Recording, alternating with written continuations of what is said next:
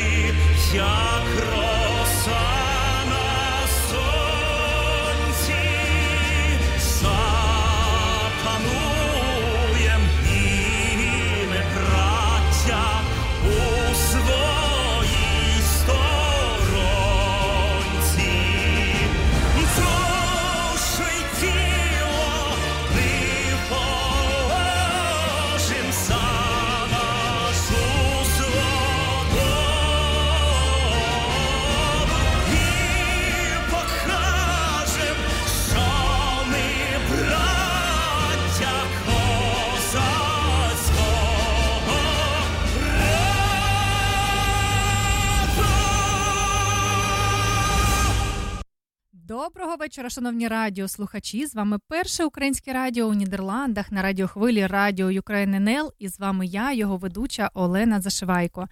Е, Перепрошую, що сьогодні наш ЕТР розпочався трішечки пізніше, але ж так трапляється іноді. Друзі, сьогодні 30 січня, сьогодні понеділок, ми почали новий тиждень робочий і. Нагадуємо всім, що сьогодні 341-й день війни Росії проти України. І кожного разу ми будемо нагадувати світові про те, що війна в Україні триває. Цитуємо слова Володимира Зеленського, нашого президента. Ми ніколи не забудемо кожного і кожну, хто бореться за Україну, хто віддав за неї своє життя. І наша пам'ять це не все, що в нас є. Наша незалежність, яку ми збережемо і передамо нашим дітям й онукам, наша перемога, яка обов'язково буде, стануть найкращим ушануванням пам'яті всіх, хто загинув у цій війні. Давайте згадаємо всіх, хто поклав своє життя за свободу, незалежність та суверенітет України. І давайте вшануємо кожного українця, хто боронить нашу країну у цій війні наступною піснею.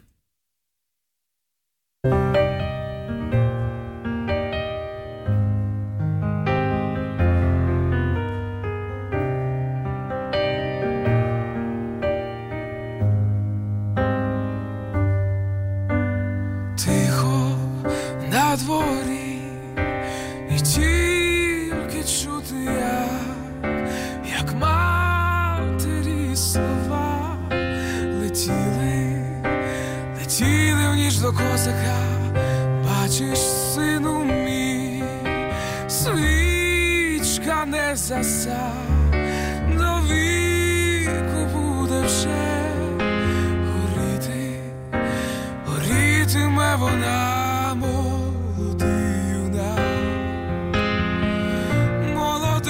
козак,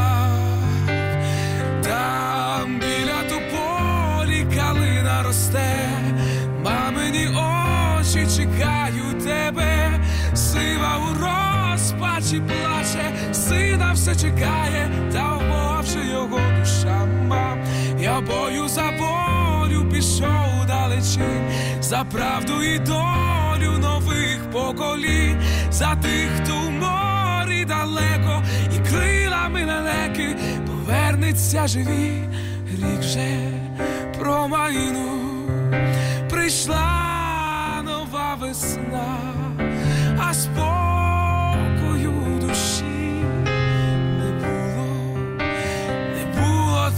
іще нема там. Батько змучений, сам торгує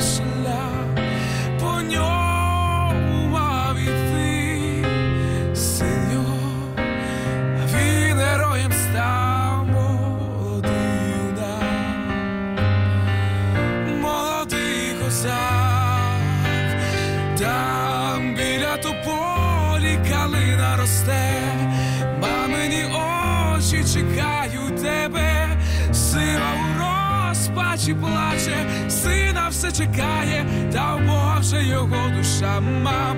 Я бою за волю пішов далечінь, за правду і долю нових поколінь, за тих, хто в морі далеко, і крилами далекі повернуться живі там біля тополі калина росте,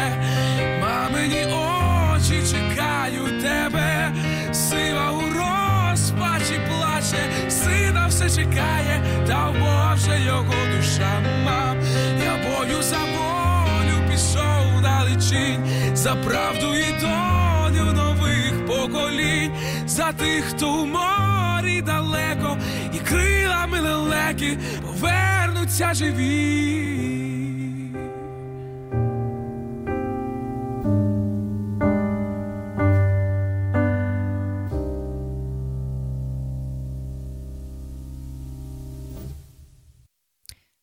Талановитий Олег Шумей виконує дуже гарно, гарні пісні, і за цей рік він став надзвичайно популярним і написав дуже багато пісень, виконав багато пісень. А зараз їздить е, по Україні і Європою на благодійні концерти, і також заробляє кошти на ЗСУ, за що ми йому і дякуємо.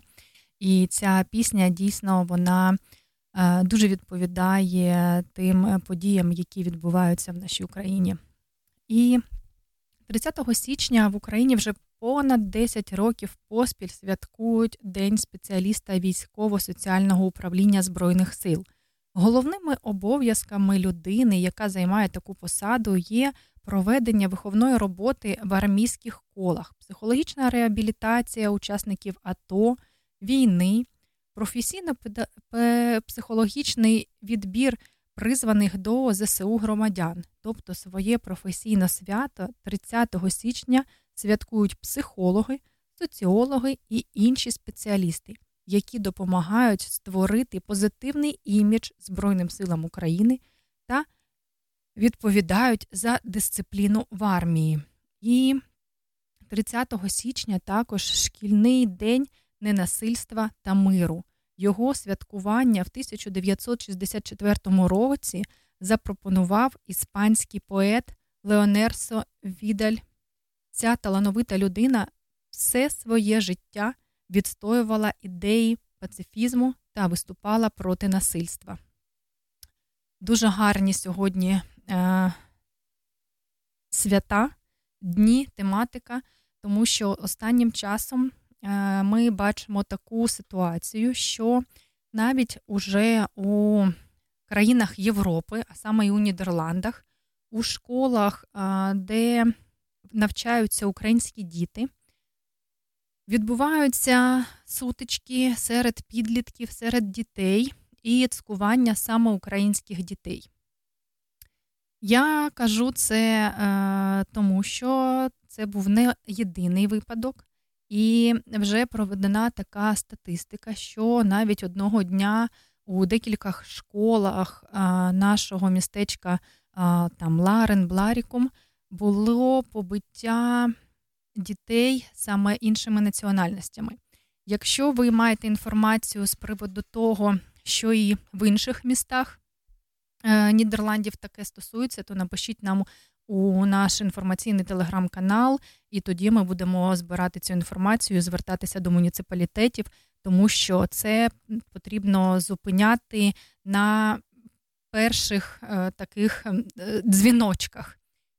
І я пояснюю своєму синові. У мене також син 14 е, років, ходить до школи, і дякую йому, що він заступається за своїх друзів і однолітків за українців. Також то каже, що е, так дійсно були такі сутички, і ми розуміємо, що українців е, набагато менше. Е, ніж інших діток інших національностей, тому бувають такі моменти, що ну, не дуже приємні такі ситуації. І от саме сьогодні такий шкільний день ненасильства та миру. Давайте про це сьогодні будемо говорити і озвучувати, принаймні, якщо ви також знаєте, що українські діти були підтверджені булінгу або якимось там цькуванням, і в інших містах Нідерландів, то обов'язково напишіть, якщо ви не хочете писати в це в нашу інформаційний канал, в нашу інформаційну групу Інстаграм, то напишіть, будь ласка, мені в особисті повідомлення. Мене можна знайти у Фейсбук, у Телеграм, у Інстаграм як Олена Зашивайко. Дякую всім, хто нас слухає, і будемо тримати. Руку на пульсі, щоб такого більше не відбувалося, і наші діти, перебуваючи у країнах Європи, відчували себе безпечно і могли ходити до навчальних закладів, не думаючи про те, що можуть трапитися там якісь е, страшні ситуації. А пропоную зараз перейти до музичної паузи і послухати трошечки українських пісень.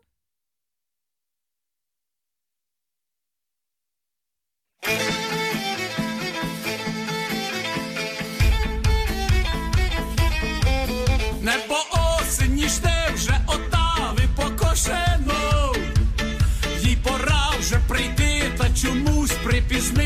припізнилася.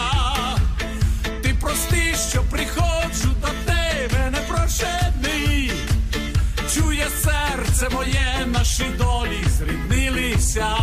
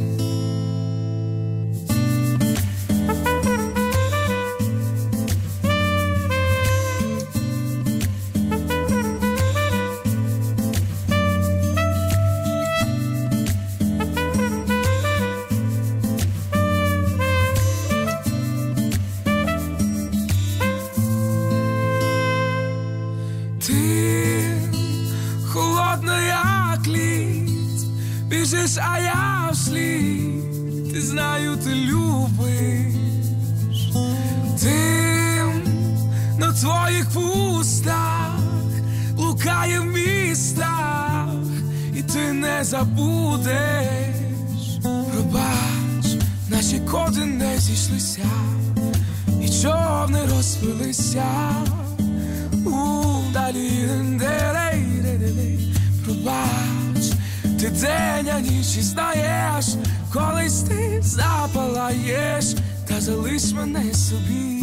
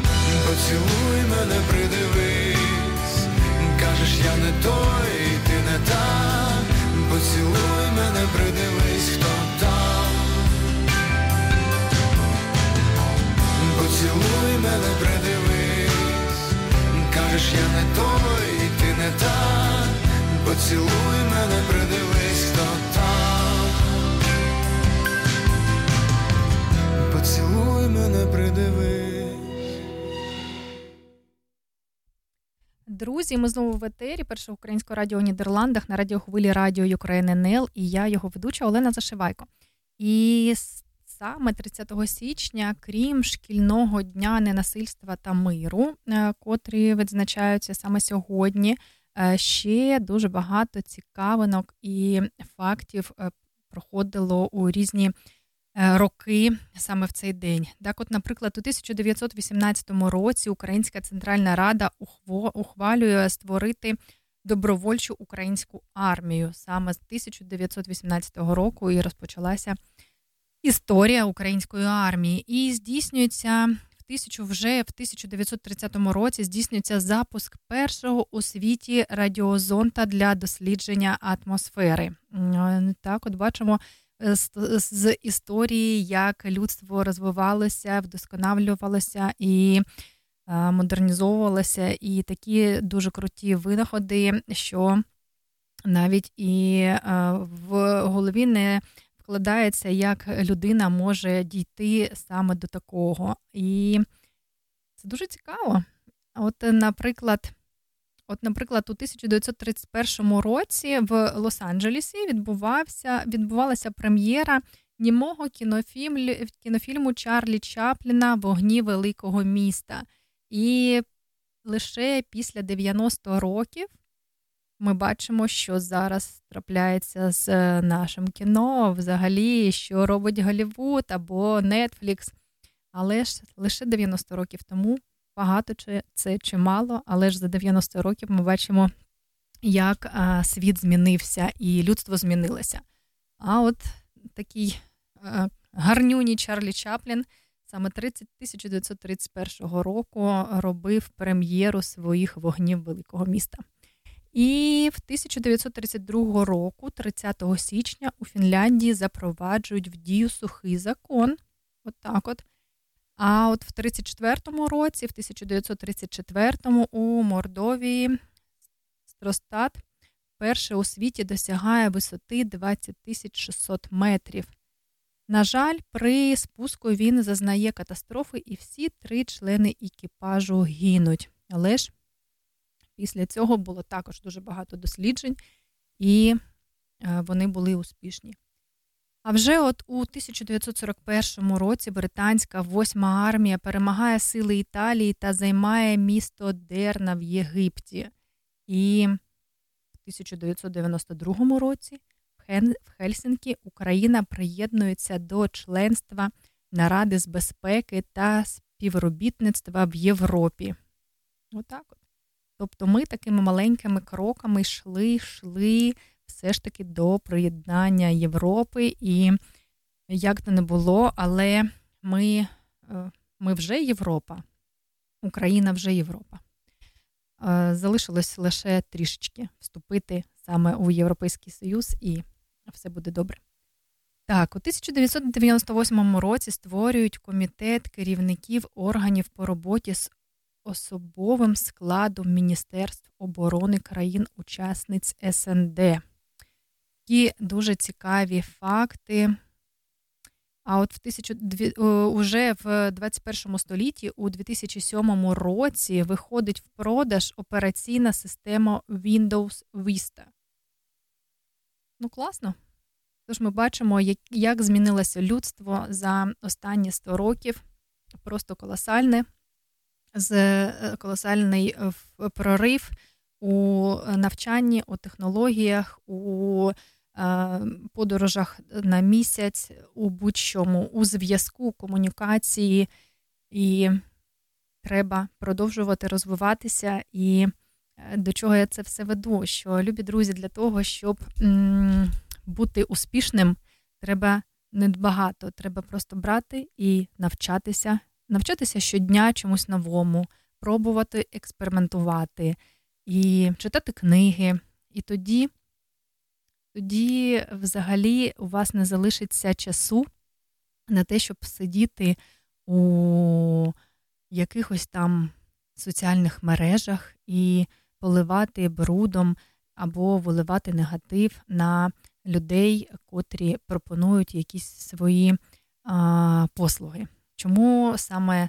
до цього я так бережно довела? Тому що вчора знов, побачивши публікацію у Фейсбуці, коли дівчина пропонувала свої смаколики, дівчина приїхала з України і просто в Фейсбуці запропонувала на продаж свої смаколики. І було понад 200 коментарів і ви ж уявляєте, що більша частина з цих коментарів була дуже негативною. Звертаюся до вас, до кожного, хто чує, а, а, або хто не чує, або хто чує і може передати і поширити цю інформацію. Давайте будемо терплячими друг до друга. Е, давайте розрізняти біле і чорне, тому що е, пропаганда, котра ведеться у соціальних мережах, є такі спеціальні боти, котрі закидають всякі негативні е, новини, негативні коментарі, щоб розбурювати у людях якусь агресію. А останнім часом українці, ми, українці, ми показали всьому світові, що наша сила в єднанні. А останнім часом, читаючи ці всі пабліки, ми розуміємо, що щось відбувається зворотнє. Давайте все ж таки на не забувати, що ми за нація, що в чому наша сила, і обов'язково любов переможе, тому що ненависть рождає, е, породжує тільки ненависть, а світло переможе темряву.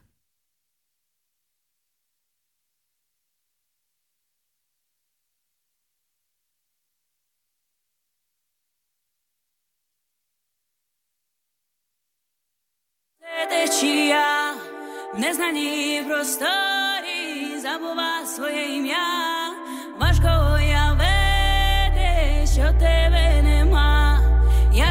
я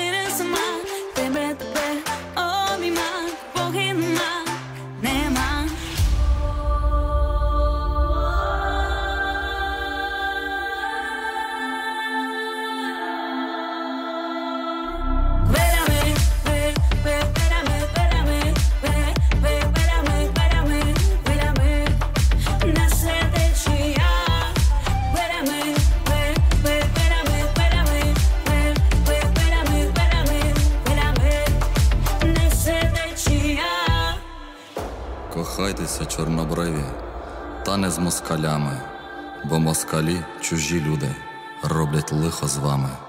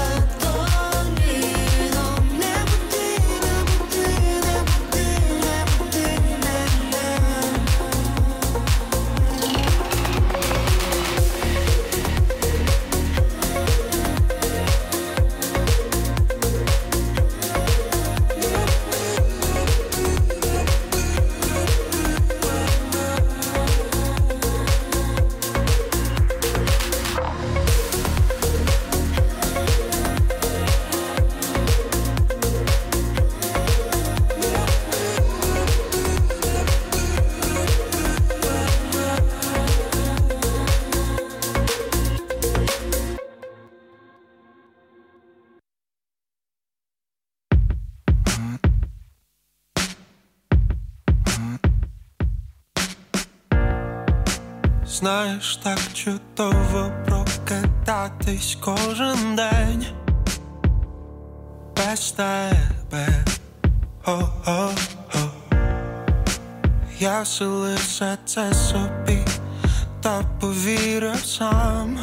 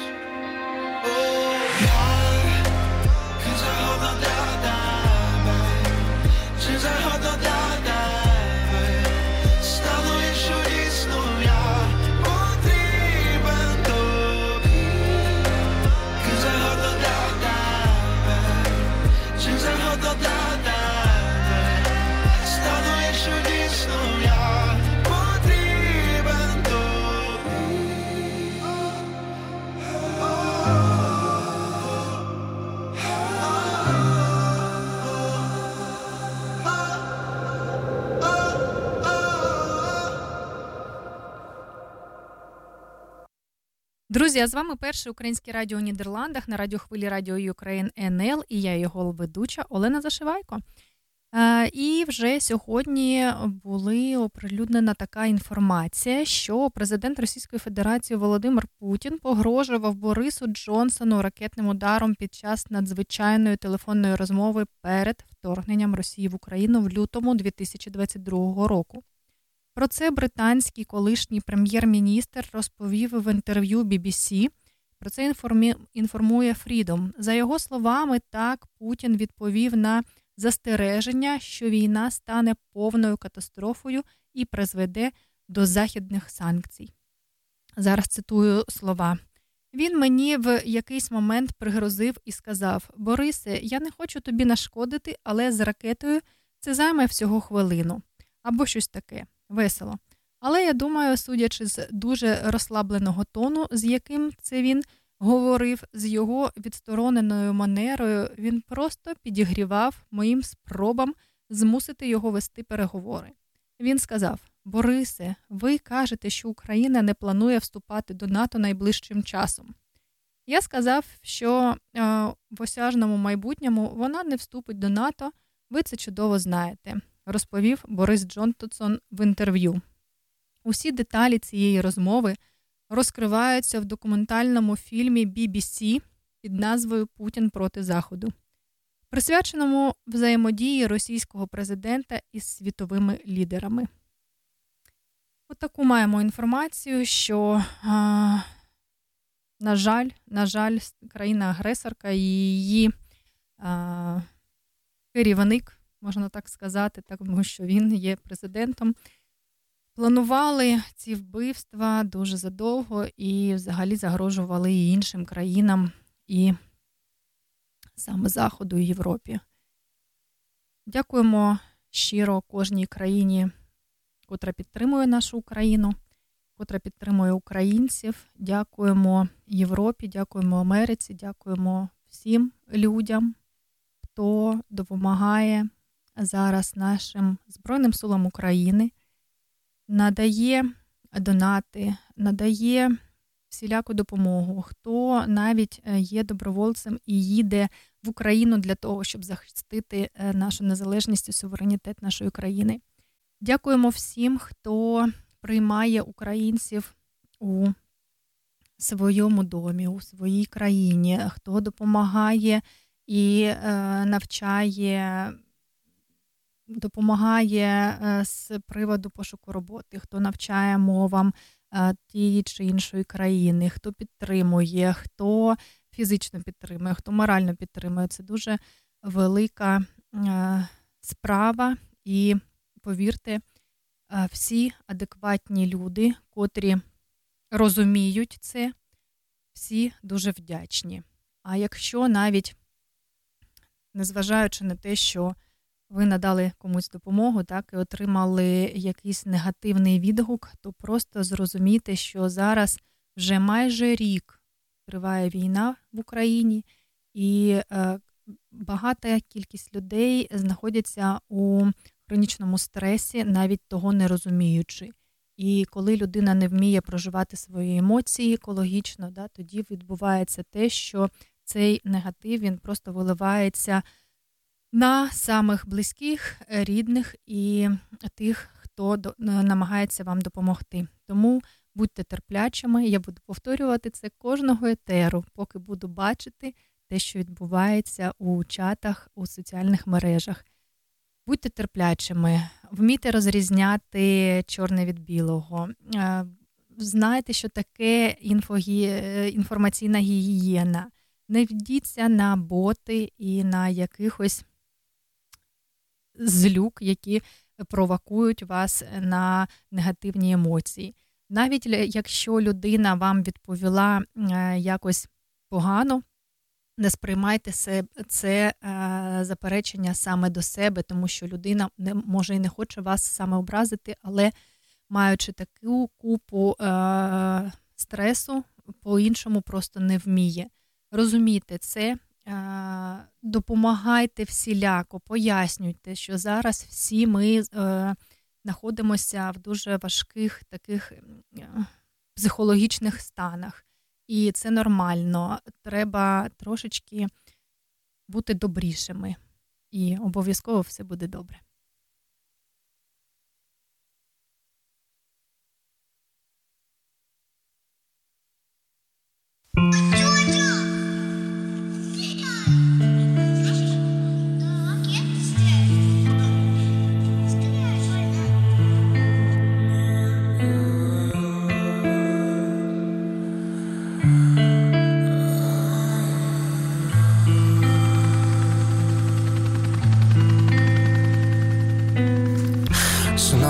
Україна це свобода. Люди щирі, добрі, твоя врода. На серці залишили шрами сльози. Ніколи не забудемо ніколи. До рук своїх ми взяли кожен зброю. Хтось автомат, хтось словом борить. Тримайтесь, наші люди, ви хоробрі. Слава Україні, українці борять. Я сам Шевченко заповів нам, що, що борітися, поборити. Славні українці не боялися ніколи. Наша воля, то ваша неволя. За нами правда, за нами весь світ. Ми об'єднались поруч захід схід. Не плачте, мамо, я верну живим. Україну неньку, Боже, збережи.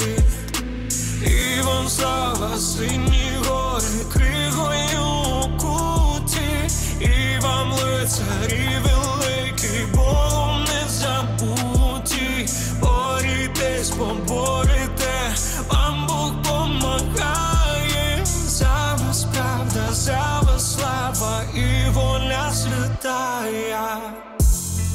Вони кажуть, як нам треба жити. Чи раби колись могли навчити своїх не кидаєм, якщо поруч буде праска, ставимо капкан, буде пастка. Нашу мрію вам не вбити,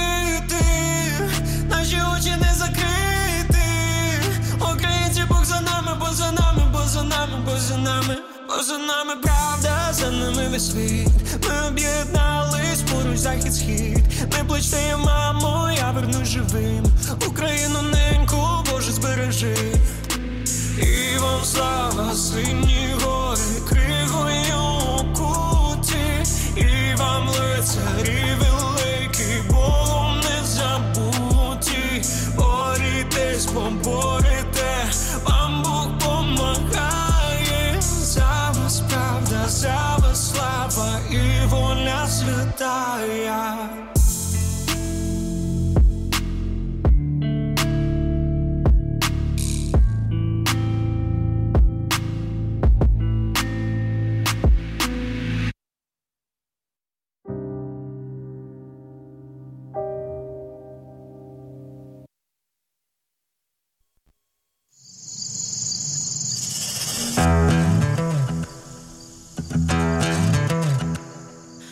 сиди вдома, ти до неї не ходи і бійся грому, бійся темної води пішки. шкірою.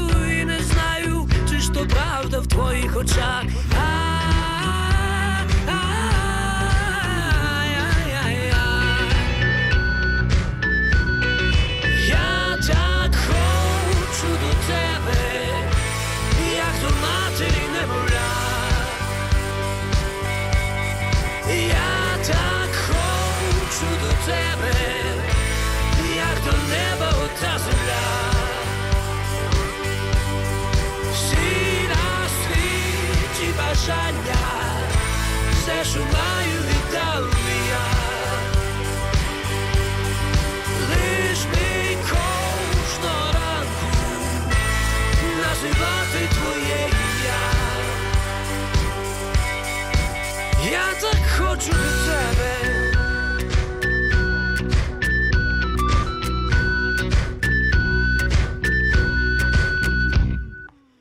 Як то можна так хотіти, щоб всю ніч чекати знак, поки свічка буде горіти, поки мила не скаже так.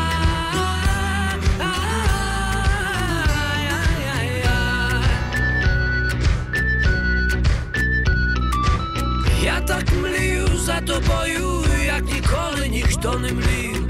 Так все дивлю за тобою, що й не мушу казати слів.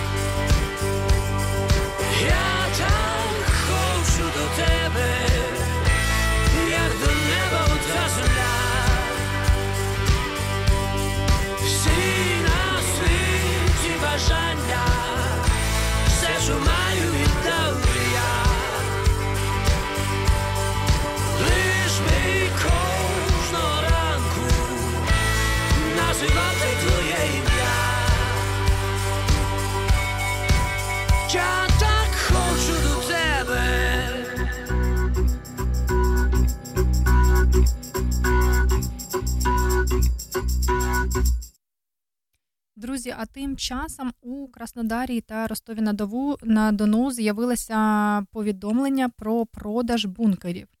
На це звернули свою увагу журналісти видання 161.ru та блокнот Краснодар. Укриття можуть захищати від взривної хвилі і частково установлювати радіацію. Е, Кажуть в цьому повідомленні. Е, Пропонують одразу декілька залізобетонних конструкцій на вибір. Вони відлічаються площею та плануванням. І от е, саме в Ростові самий маленький бункер в 13 квадратних метрів може обійтися в 5 мільйонів е, рублів. Е, В ньому можуть жити до 4 людей упродовж двох тижнів. Е, Споруду обіцяють построїти за два місяці, і самий великий бункер площею 36 квадратних метрів в, може в собі помістити 11 людей. Автономність така ж сама на два тижні. За нього прийдеться заплатити понад 10 мільйонів е, рублів і строк установки до трьох місяців. І от саме зараз буде цитата на російській мові, е, тому що м, саме такою мовою було звернення.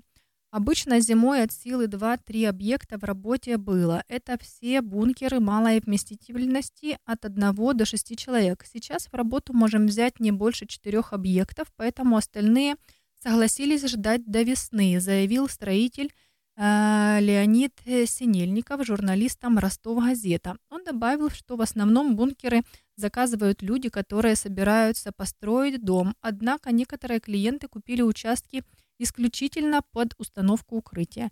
Синельников утверждает, что даже обустроенное на 10-метровой глубине убежище не особо защитит человека от прямого ядерного удара или радиации. По его словам, стены у более-менее надежного противоядерного бункера должны быть сделаны из монолитного бетона і иметь толщину не менее 1,5-2 метра.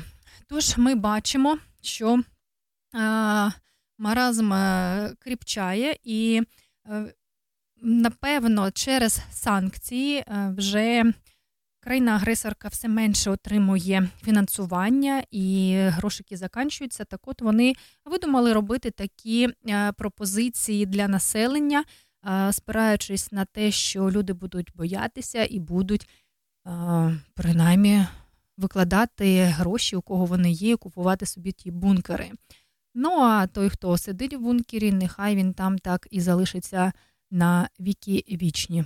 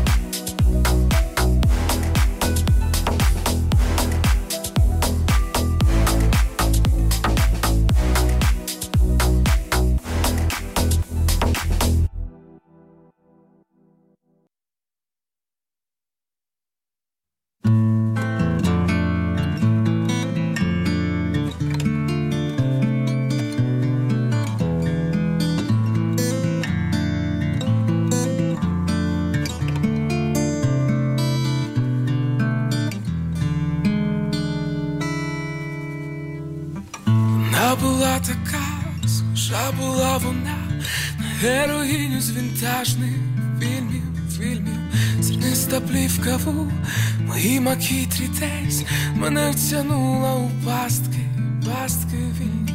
Чи ти була одна, чи ходиш не сама, таких як ти по світу ходить мало-мало.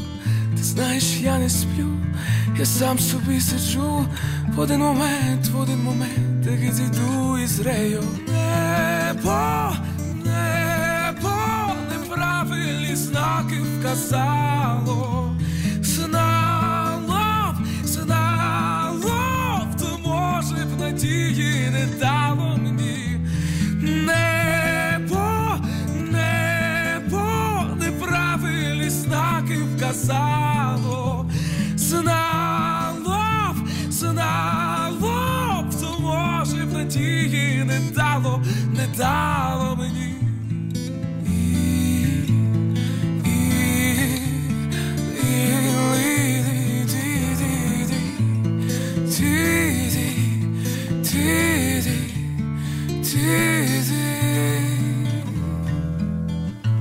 А пам'ятаєш сни, які вже ти мені у моїй голові собі собі крутила, з кадрами човнів, тим флотом дим і снів мене взяла на абордаж лише лише губами. Мороз по шкірі це буденна штука вже, а голос приторний, як ліч, і ніч, напевно, врію.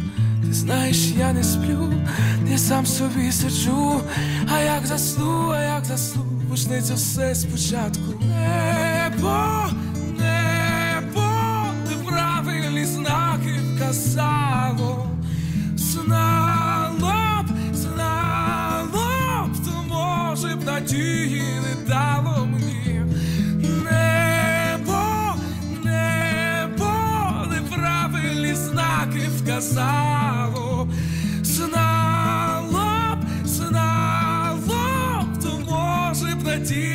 Дало, не дало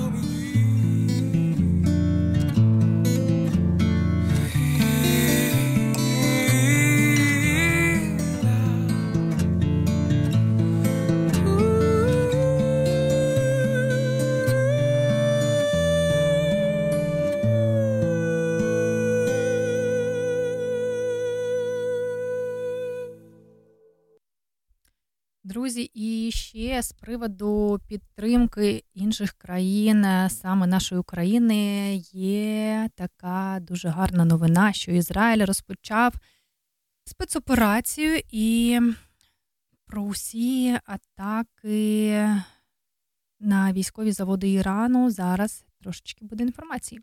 В іранському місті Ісфаган на південь від столиці вночі 28 січня безпілотники атакували завод Міністерства оборони, який спеціалізується на виробництві боєприпасів. Тегеран змушений був підняти. Тегеран змушений був підняти в небо авіацію. Також було задіяно протиповітряну оборону.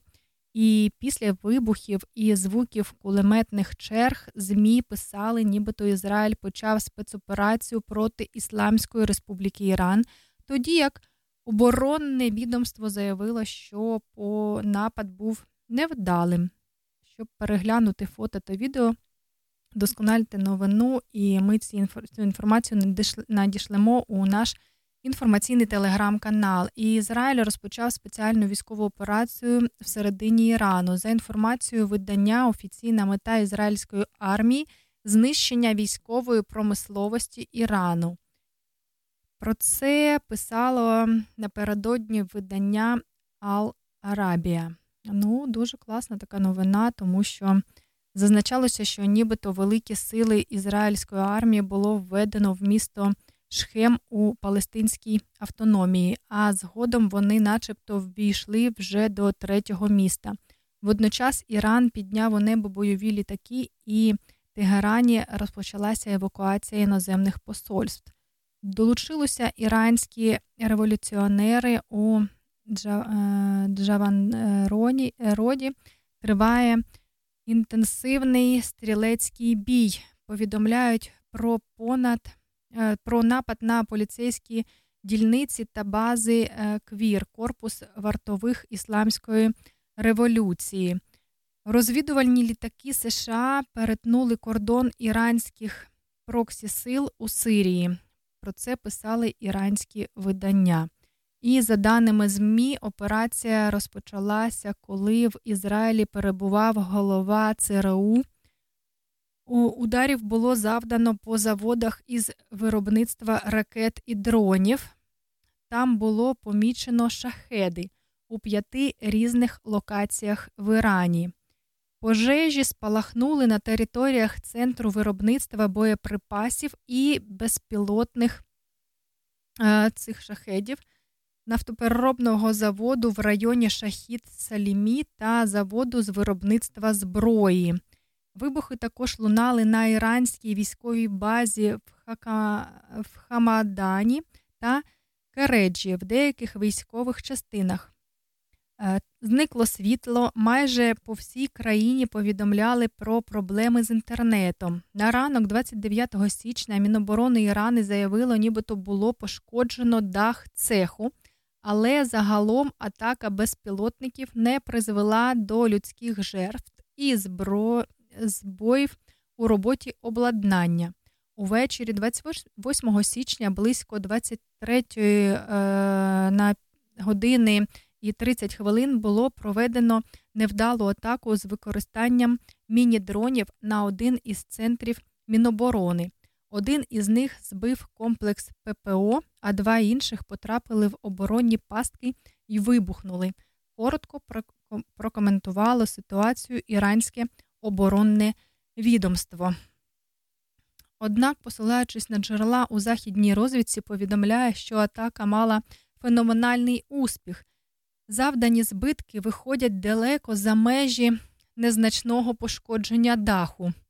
І, як повідомляв обозріватель, жодна з країн офіційно не взяла на себе відповідальність за вибухи в Ірані. Проте атаки розпочалися відразу після терористичних актів в Ізраїлі та у секторі Гази, внаслідок яких загинуло багато ізраїльтян. Окрім того, 28 січня відбулося засідання Кабінету міністрів Ізраїлю, на якому обговорювали теракти в Єрусалімі. Маємо такі новини, і ви знаєте, якщо Ізраїль пошкодив ті злощасні заводи, котрі виготовляють цих шахідів, ми їм безмежно вдячні, тому що саме Іран поставляє цю зброю до країни-агресорки Російської Федерації, і саме ці шахіди летять в Україну для того, щоб вбивати українців, українських дітей та і взагалі руйнувати інфраструктуру нашої країни.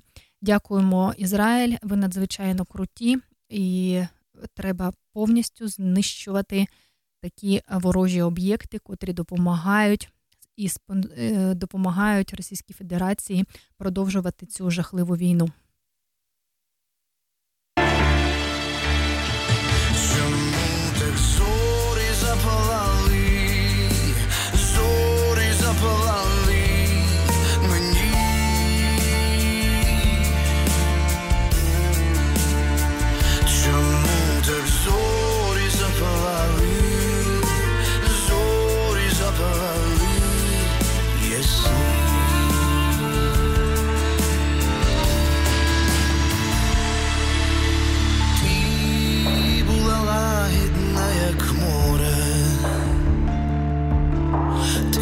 Недосяжна, наче небо, така цнотлива і прозора, і сонце прохолодніше за тебе.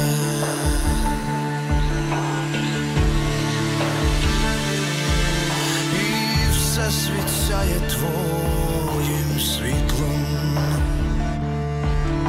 Відлуння в горах шепіт твого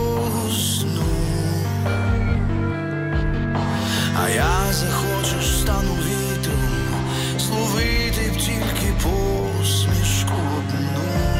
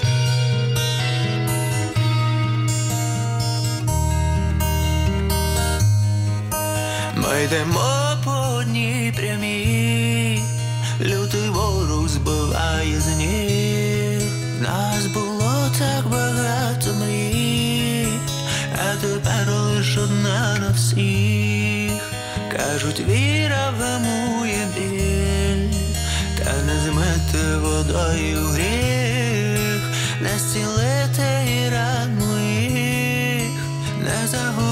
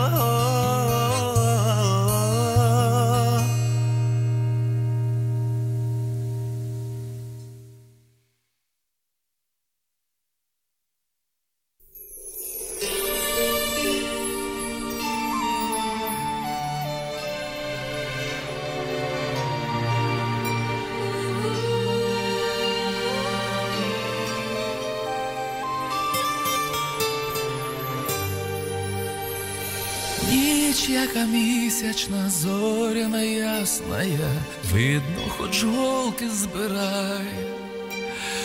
Вийди, кохана, я працею зморена, хоч на хвилиночку гай. Вийди, кохана, я працею зморена, хоч на хвилиночку гай. В купочці тут під калиною, і над панами я пан. Глянь, моя рибонько, снібною хвилею, стелиться полем туман. Глянь, моя рибонько, срібною хвилею, стелиться полем туман. Небо незміряне, всипане зорями, що то за Божа краса. Перлами ясними ген під тополями грає краплиста роса. Перлами ясними ген під тополями грає краплиста роса. Ти не лякайся, що ніженьки босі вмочиш в холодну росу. Я ж тебе вірна, я аж до хатиноньки сам на руках віднесу. Я ж тебе вірна, я аж до хатиноньки сам на руках віднесу. Ти не лякайся, що змерзнеш лебідонько, тепло ні вітру, ні хмар. Я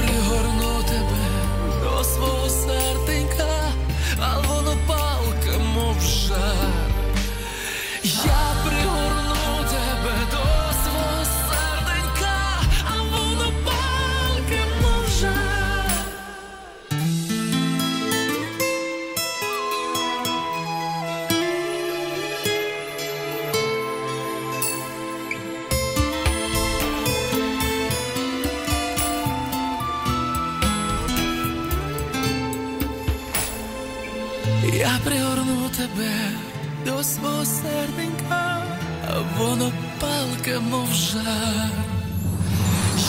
пригорну тебе до свого серденька, а воно палка, мов жар. Я пригорну тебе до свого серденька, а воно палка, мов жар.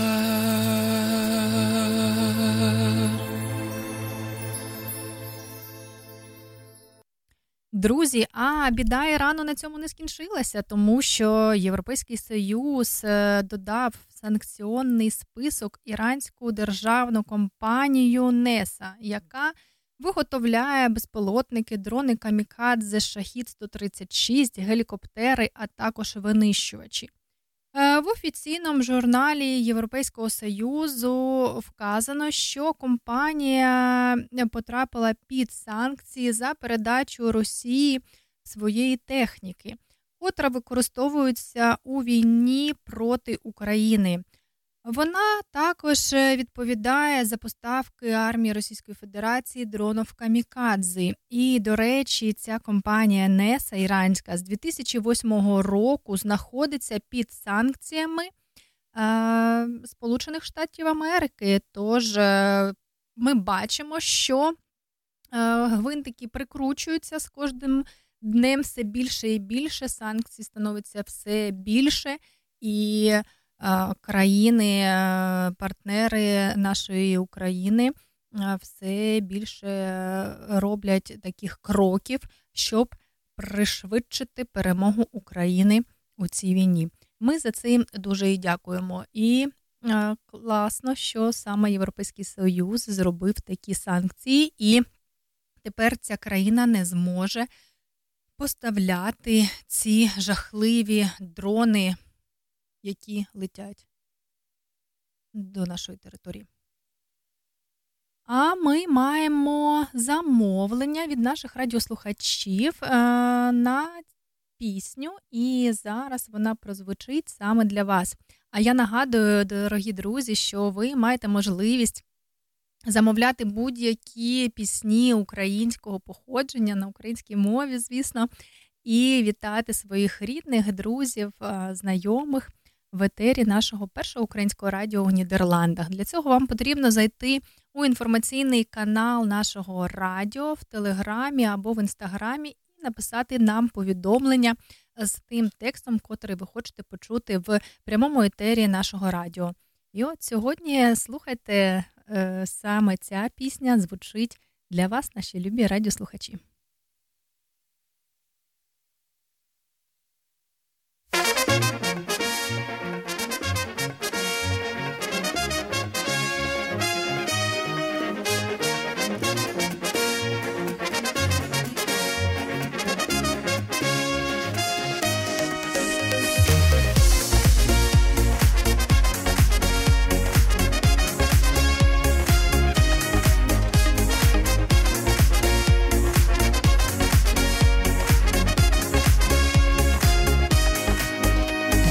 З розуму зводить мене, від неї я просто п'янію, з розуму зводить мене, від неї я шаленію.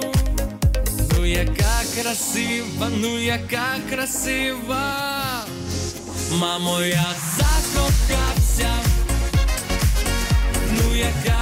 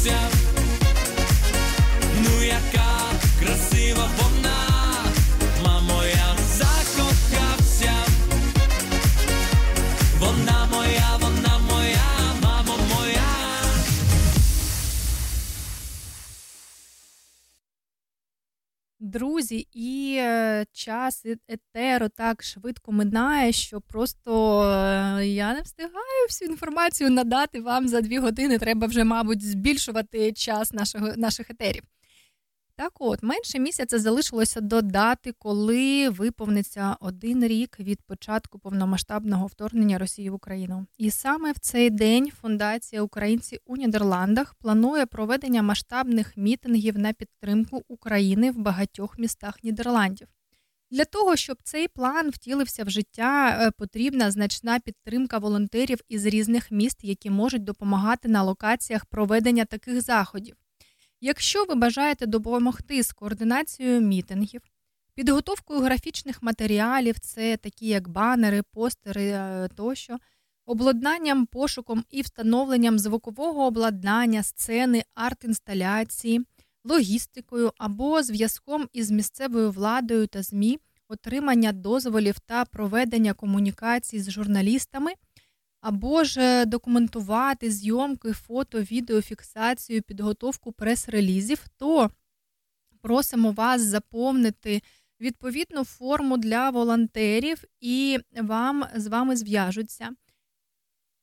Цю е, інформацію ми вже опублікували у нашому інформаційному телеграм-каналі, тож ви можете зайти, ознайомитися і е, заповнити цю форму за посиланням. Досвід у перелічених сферах не обов'язковий, адже ключовими є бажання допомогти Україні і вкотре висвітлити проблему війни про Росії проти України в нідерландському суспільстві. Долучайтеся, під'єднуйтеся, допомагайте. Е, Будемо зустрічатися у цей день у всіх містах Нідерландів, і згодом інформації буде більше, в яких саме містах буде проходити е, ці мирні демонстрації, і е, все, всю всю всю інформацію ми будемо вам надавати, як тільки вона буде з'являтися. А я хочу сказати дякую всім, хто приходить на нашу радіохвилю, послухати наші прямі етери. І пишіть свої е, побажання, питання, е, задавайте теми, і ми будемо вже з командою першого українського радіо втілювати їх у життя під час прямих етерів у нашій студії.